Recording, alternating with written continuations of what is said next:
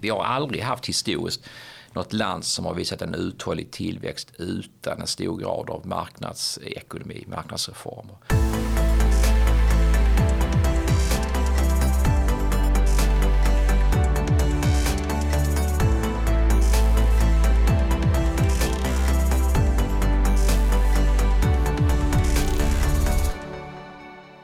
Fredrik Sjöholm är professor och VD vid Institutet för näringslivsforskning, IFN, där han tidigare var chef för forskningsprogrammet om globalisering och företagande.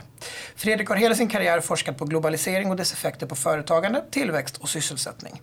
Idag är det jag, Erik Bengtsbo, som intervjuar och får säga varmt välkommen till Skattebetalarnas podcast. Uppskattat, Fredrik. Tusen tack, Erik. Det är trevligt att vara här. Det är väldigt roligt att ha dig här. Först och främst för våra lyssnare som eh, kanske inte har 100% koll på det. Vad är IFN? IFN står för Institutet för näringslivsforskning och vi bedriver oberoende forskning om svenskt näringsliv och eh, svensk ekonomi. Eh, och det är nationalekonomisk forskning, vi är drygt 30 disputerade nationalekonomer idag. Det som kanske skiljer oss lite från vanliga nationalekonomiska institutioner det är att vi också lägger väldigt mycket eh, tid och ansträngning på att kommunicera den här forskningen till, till bredare grupper i samhället. Vad, vilka forskningsprojekt driver ni just nu och som du ser särskilt mycket fram emot att få fortsätta arbeta med de närmaste åren? Alltså vi har, ju, vi har ju ett antal program och där har vi då ett, eh, ett program om elmarknaden som alla skriker efter idag, eh, deras kunskap. Vi har ett program, ett nystartat program om skatter som jag vet att eh, ni av förklarliga skäl är speciellt intresserade av. Vi har ett program om företagens konkurrenskraft. Det handlar om allt från digitalisering till utbildning och liknande. Och vi har ett program om institutioner, alltså både formella lagar och regler men även saker som normer, sociala, socialt kapital och liknande. Eh, och så har vi det sista program, eh, programmet som handlar om entreprenörskap och som är precis vad det låter som. Min egen forskning eh, som jag då brinner extra för eh, är kanske då inom, framförallt inom företagens konkurrenskraft där jag tittar på saker som ja, globaliseringsfrågor. Just nu tittar vi på arbetskraftsinvandring och vi tittar på eh, reshoring, alltså företag som tar hem produktion och liknande. Det tycker jag är väldigt roligt. Ja, vi kommer återkomma till det, men jag tänker att vi börjar lite brett. Vad, vad skulle du säga om jag ställer frågan, hur mår egentligen svensk ekonomi? Alltså svensk ekonomi, man kan ju säga att den, eh, många är förvånade att det har inte eh, blivit större problem i svensk ekonomi. Vi har ju pratat om den här recessionen och den här lågkonjunktur länge men vi ser det kanske inte riktigt i siffrorna i så mått att eh, arbetslösheten ökar inte, sysselsättningen hålls uppe. Eh, men vi har problem då eh, på två, två aspekter. Inflationen eh, som fortfarande är väldigt hög och som kommer leda till att Riksbanken höjer sin, sin ränta ytterligare här under året. Och en svag tillväxt. Och det är klart på lång sikt så är ju tillväxt helt avgörande för, för, eh, eh, för hur bra vi har det i Sverige, alltså vår levnadsstandard. Och det är kanske lite alarmerande att vi tycks som att vi har tappat den här förmågan att generera hög tillväxt. Vi hade ju en fantastisk period, ska vi säga då, från jag säger, mitten av 90-talet fram till eh, ja, tio år sedan ungefär, där vi hade väldigt, väldigt hög tillväxt. Men det tycks som att det inte går riktigt lika bra där längre och det är väl också någonting som till exempel regeringen är medveten om och har startat den här eh, produktivitetskommissionen eller vad de nu kallar det som tittar just på sådana saker. Ja, Sverige släpar ju efter Europa och vi bedöms ju nu ha lägst tillväxt i hela EU under kommande året. Vad, vad beror det här av? det finns ju inte en enkel lösning på hur man ökar tillväxten. Det handlar om, man kan ju tänka sig så här, vad driver tillväxt? Vad driver egentligen tillväxten i, i Sverige till exempel och i alla länder? Ja, dels pratar man om något som heter faktorackumulation. Och det är inte så konstigt som det låter. Det handlar om att ju fler som jobbar desto, hög, desto mer producerar vi, desto högre tillväxt. Ju mer kapital vi har, alltså ju mer som investeras, desto mer kan vi producera. Ju mer maskiner vi har, ju mer redskap vi har, desto mer producerar vi. Och sen desto bättre teknologi vi har, eh, desto mer producerar vi, givet hur mycket arbetskraft och kapital vi har. Så det är egentligen de saker man får fundera på. Hur ökar vi arbetskraftsutbudet? Och där vet vi alla att där har vi problem med en ganska stor grupp i samhället som inte kommer in på arbetsmarknaden. Det i sig är ju ett gigantiskt problem hur man löser det. Hur ökar vi investeringar? Ja, det handlar om, om allt för, från näringslivsklimat till, till skatteregler som, som ni är intresserade av till exempel. Och sen hur ökar vi den teknologiska utvecklingen? Det handlar om konkurrens i samhället, det handlar om hur mycket vi satsar på forskning och utveckling och hur vi använder de här satsade pengarna i forskning och utveckling till exempel. Så det finns inga enkla, enkla svar att en, ena eh, åtgärd som skulle kunna öka hela Sveriges tillväxt. Det är många, på många områden det måste förbättras, små förändringar på många områden. Och vad skulle du säga är de, de enskilt viktigaste om man måste fokusera policyutvecklingen och det politiska arbetet den närmsta tiden? Vad skulle du tycka är viktigast att prioritera just nu? Alltså jag tror att eh, vi hade mått bra av lite större strukturella reformer. Alltså om vi tittar på den här fantastiska perioden vi hade från eh, mitten av 90-talet så berodde det ju mycket på reformer vi gjorde med avregleringar av olika marknader, med, med skattereformer, med reform för eh, Riksbanken och för, för eh, budgetdisciplinen eh, och så vidare. Det har varit, och det har mina kollegor, Andreas Berg till exempel, har skrivit om det här, att det har ju infunnit sig någon form av vi, har, vi tycks ha svårare att, att göra strukturella reformer. Så det ska man önska. Och vilka områden handlar detta om då? Jag tror att eh, det finns mycket att göra fortfarande när det gäller att förbättra marknadens funktionssätt, kanske inom tjänstesektorn och liknande. Eh, eh, och det finns definitivt förbättringar att göra inom eh, högre utbildning, även på, skol, grundskolor och gymnasieskolor som hade kunnat ge på sikt väldigt positiva effekter.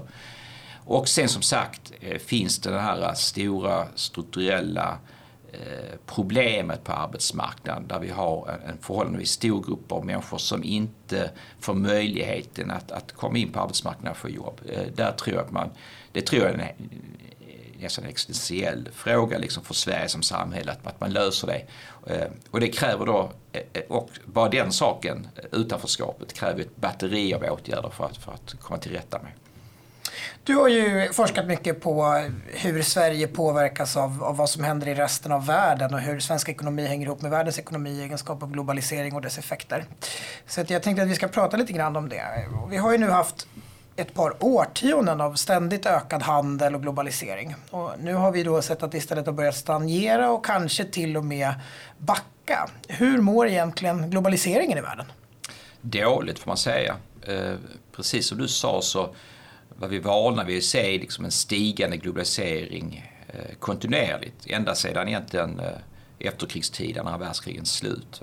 Och det drevs fram egentligen två saker Eh, som man kan nämna för det hjälper oss också att förstå varför det inte ökar nu.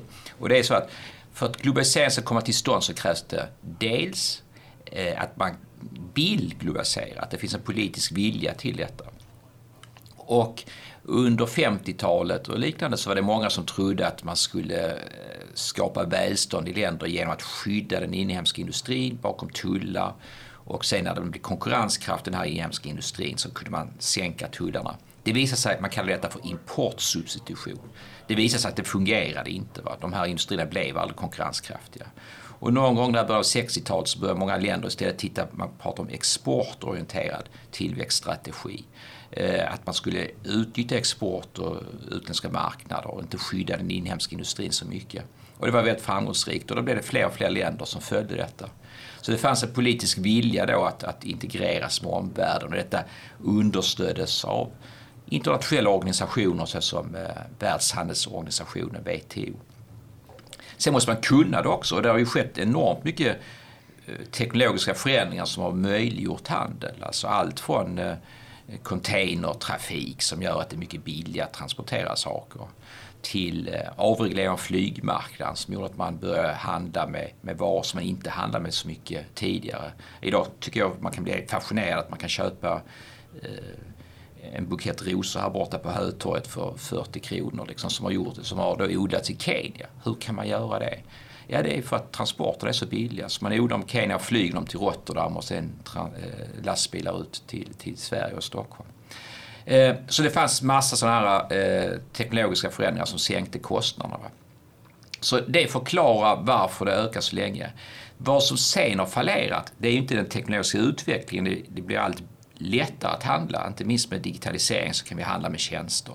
Men den politiska viljan i världen har förändrats och allt fler länder eh, blir mer inåtblickande av olika anledningar. Vi kanske kommer in till varför de blir det. Men av olika anledningar så, så, så, väljer man att istället för att avreglera och sänka tullar så höjer man tullar och inför handelshinder.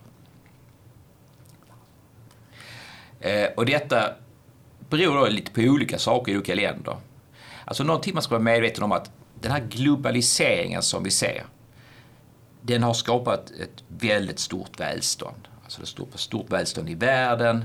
Om vi går tillbaks 30 år i tiden så bodde kanske, levde en tredjedel av världens befolkning i, i djupt armod, i, i stor fattigdom. Och idag är det under 10 procent.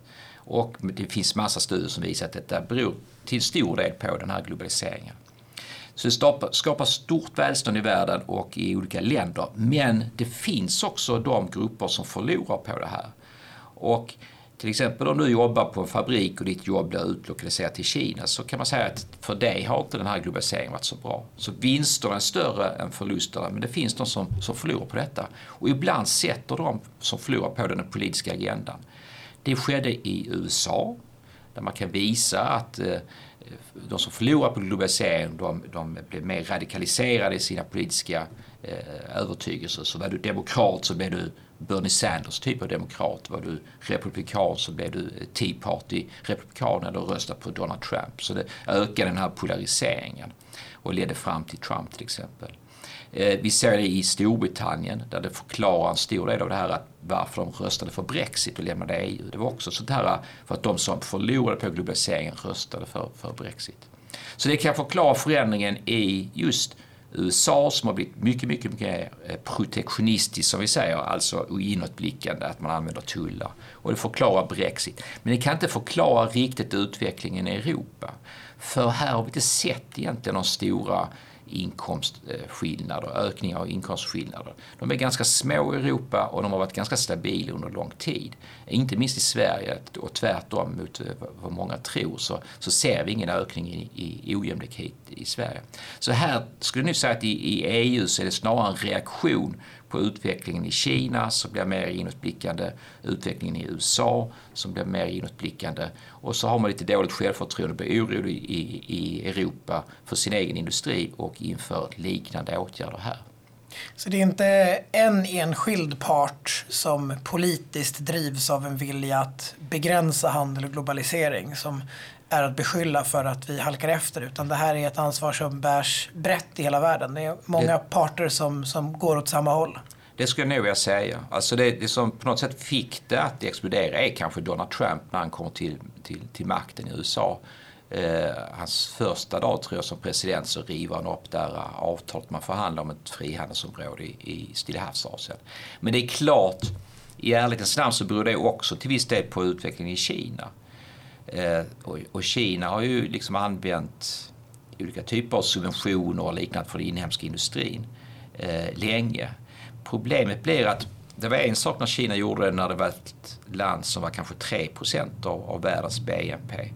Men när det är världens näst största ekonomi och 18-19% av BNP och använder sådana här typer av eh, stöd eh, till, till den inhemska industrin som slår då mot, mot eh, andra länder Eh, Eh, så blir det problematiskt. Så att USA och Trump var på sitt sätt ett, kanske ett svar mot Kina. Va?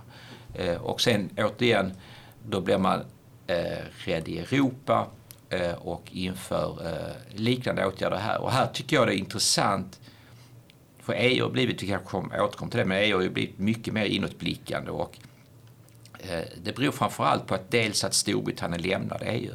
Storbritannien var ju alltid en frihandelsvän och Eh, trodde mycket på marknader och liknande. Va? Eh, sen hade du då eh, Frankrike kvar som alltid har varit mycket mer stark förespråkare för statlig intervention och, och att staten ska leda på något sätt industriell utveckling. Men det intressanta var då att Tyskland bytte fot. Va? Från att vara ganska marknadstillvänt så har Tyskland under de senaste 5-6 åren förändrats helt i sin syn på, på, på statens roll i, i, i ekonomisk utveckling.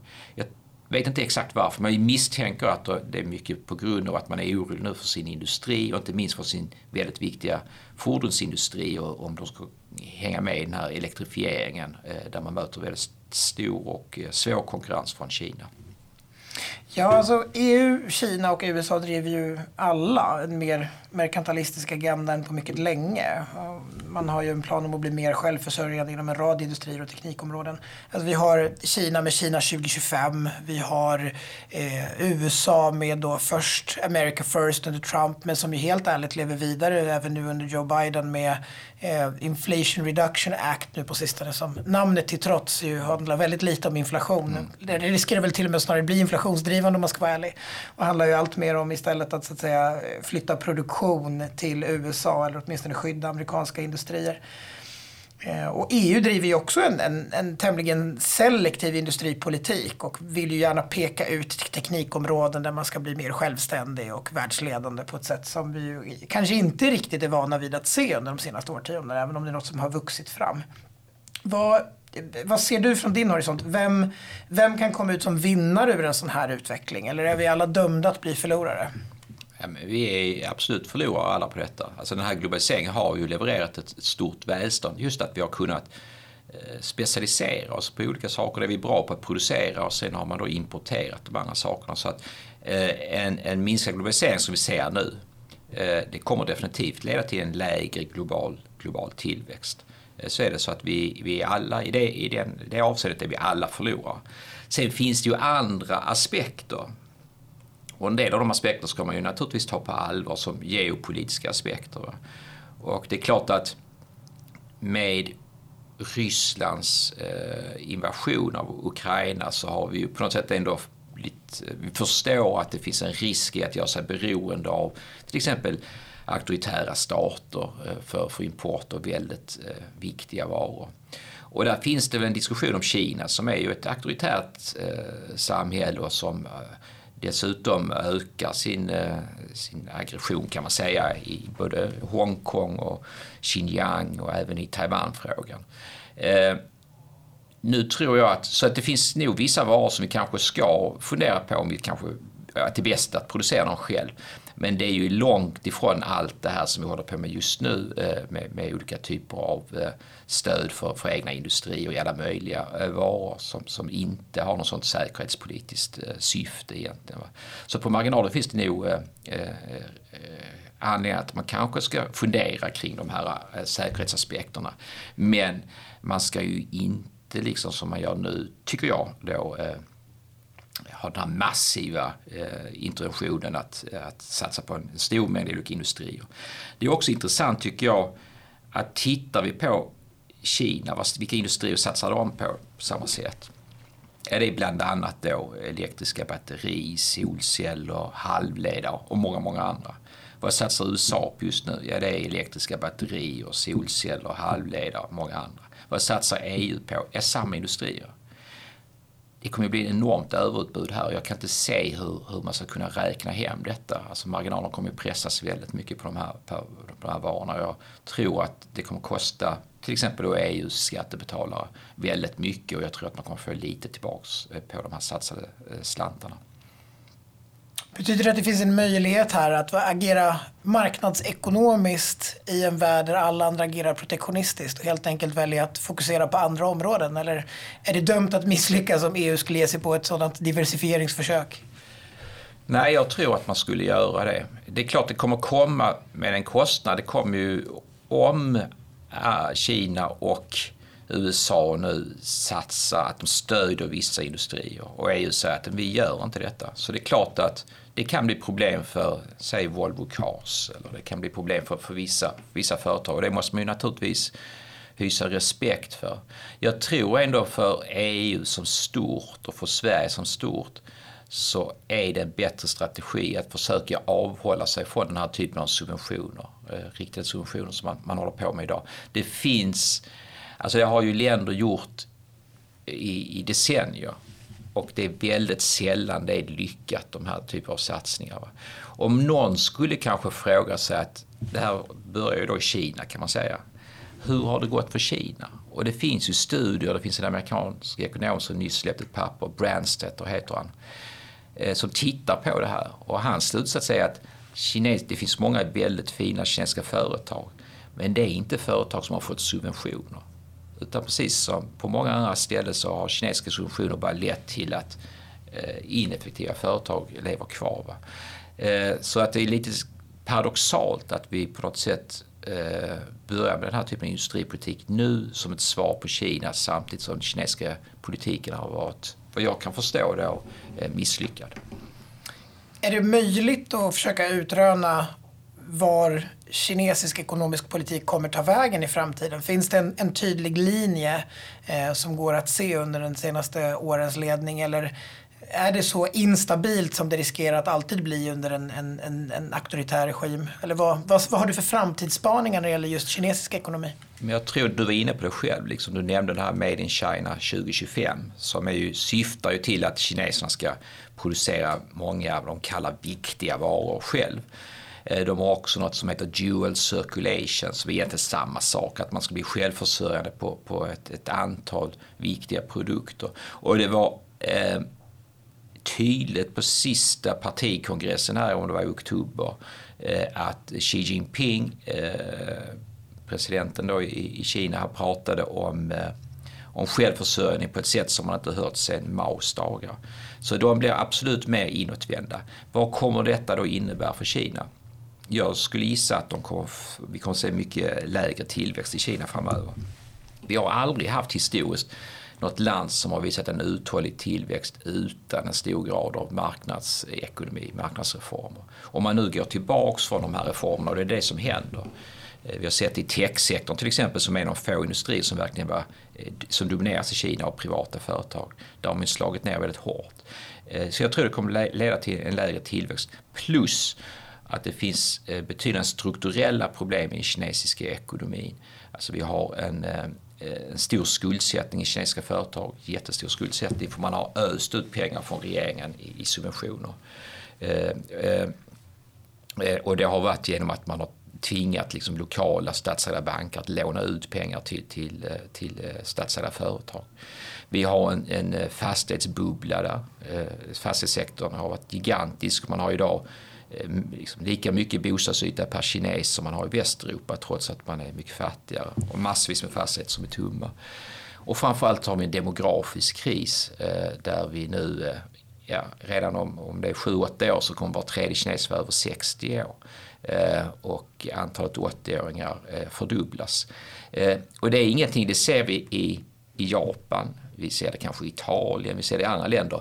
Problemet för Kina är att de blir gamla innan de blir rika. Alltså, så att, eh, jag tror vi kommer att se ett stagnerande Kina framöver.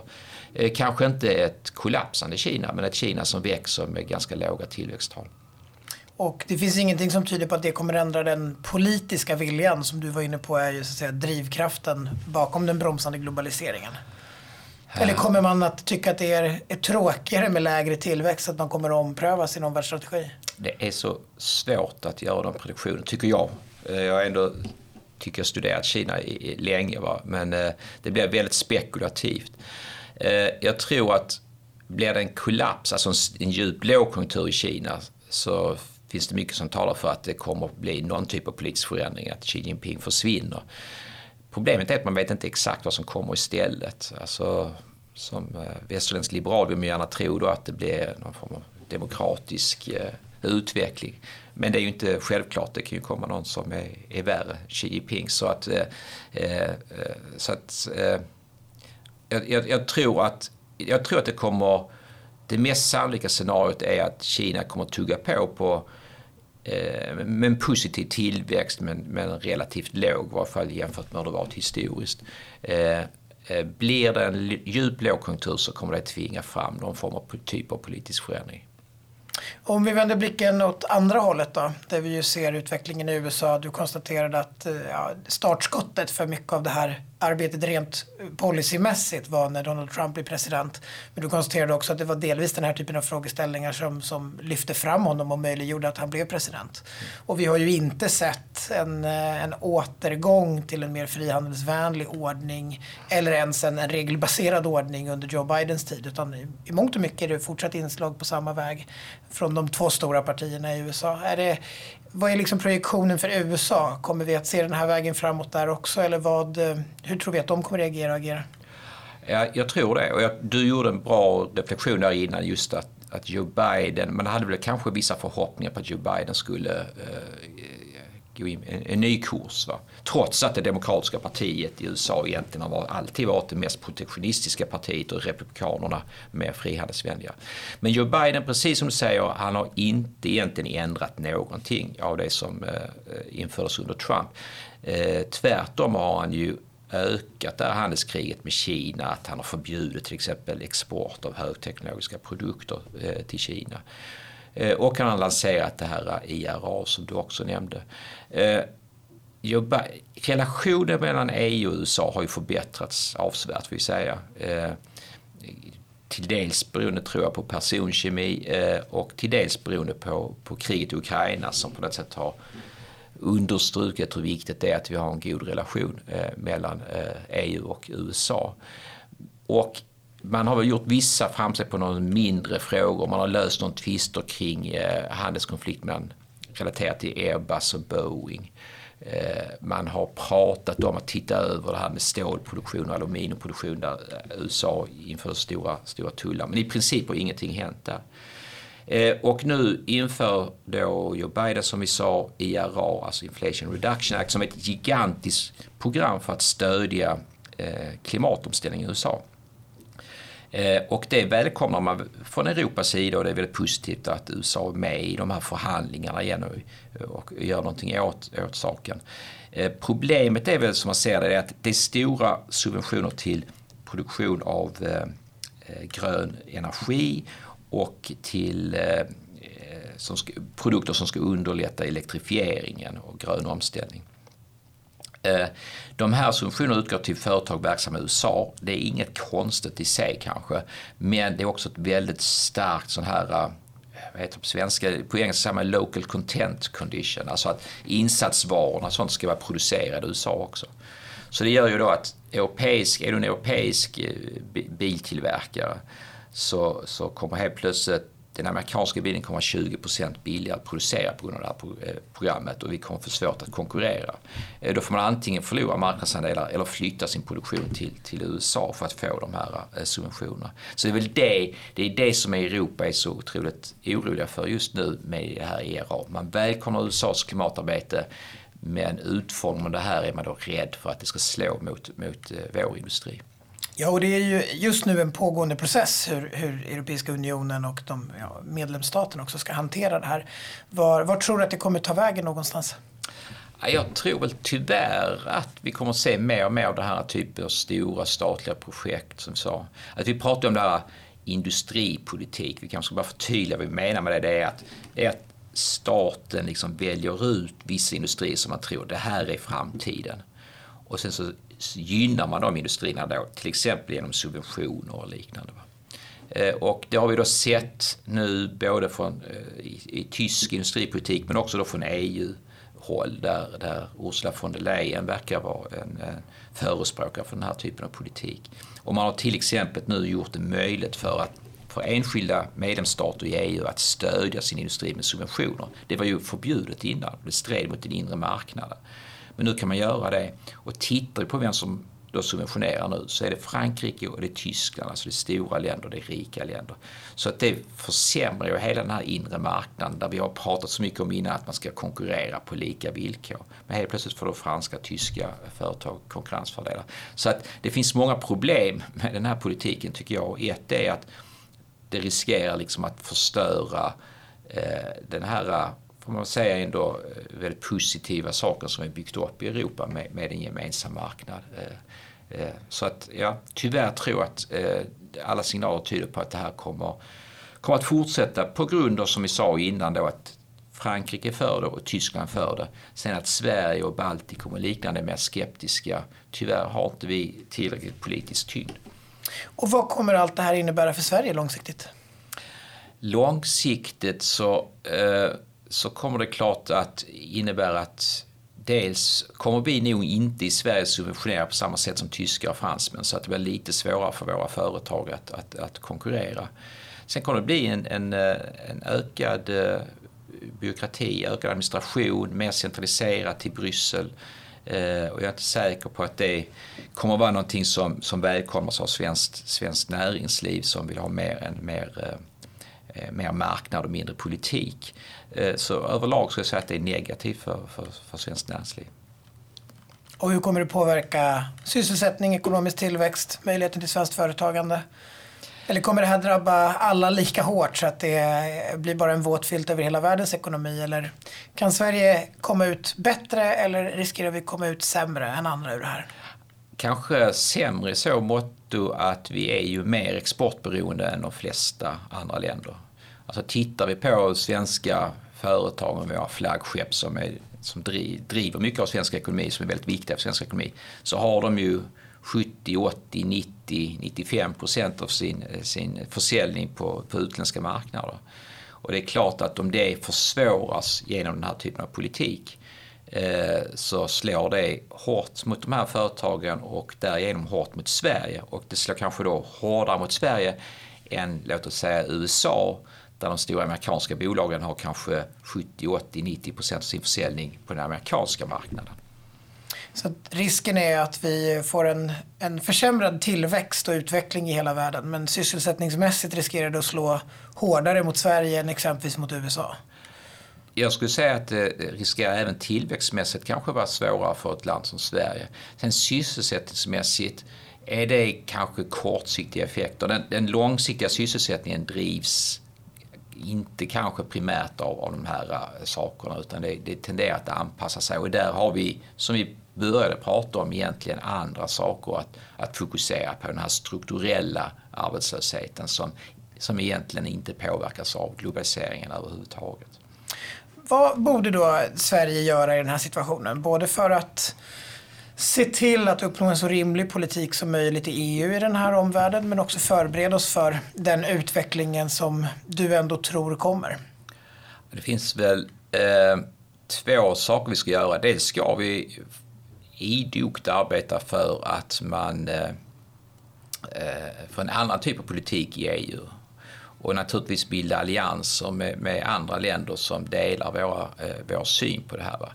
Och ett, altern, ett uppenbart alternativ till, eh, till stora industrisatsningar som vi ser nu vore att förbättra den inre marknaden. Eh, och där finns till exempel, säg inom tjänstesektorn, finns det jättemycket man kan göra för att harmonisera den. Jag var på ett intressant seminarium hos eh, Almega här igår där Morten Blixt hade skrivit en, en rapport om om eh, just yrke och det visar sig att det är hundratals yrken som man måste ha en licens för i Europa för att jobba i andra länder. Så att det finns inte någon gemensam arbetsmarknad. Det är en sån sak som man har kunnat harmonisera. Du har elsystemet som kan integreras, du har olika typer av infrastruktursatsningar, du har hela digitaliseringen där man kunde ha gemensamma strategier. Så jag tror att arbeta på det som är vår styrka och fortsätta förbättra det vore, eh, vore väldigt önskvärt. Sen så önskar jag se, och det kanske är en, en eh, naiv förhoppning, men det är att EU hade på något sätt försökt sparka igång eh, eh globaliseringen igen och framförallt få WTO, alltså Världshandelsorganisationen, att, att fungera. Den är ju helt dysfunktionell idag. Eh, eh, men att man på något sätt skulle försöka eh, komma fram där och återgå till det här vi kallar det regelbaserade internationella handelssystemet.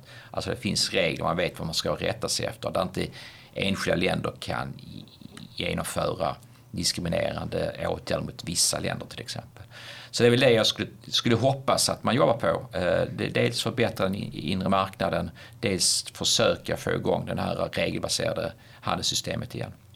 Vad är de stora hindren från att lyckas med att göra det?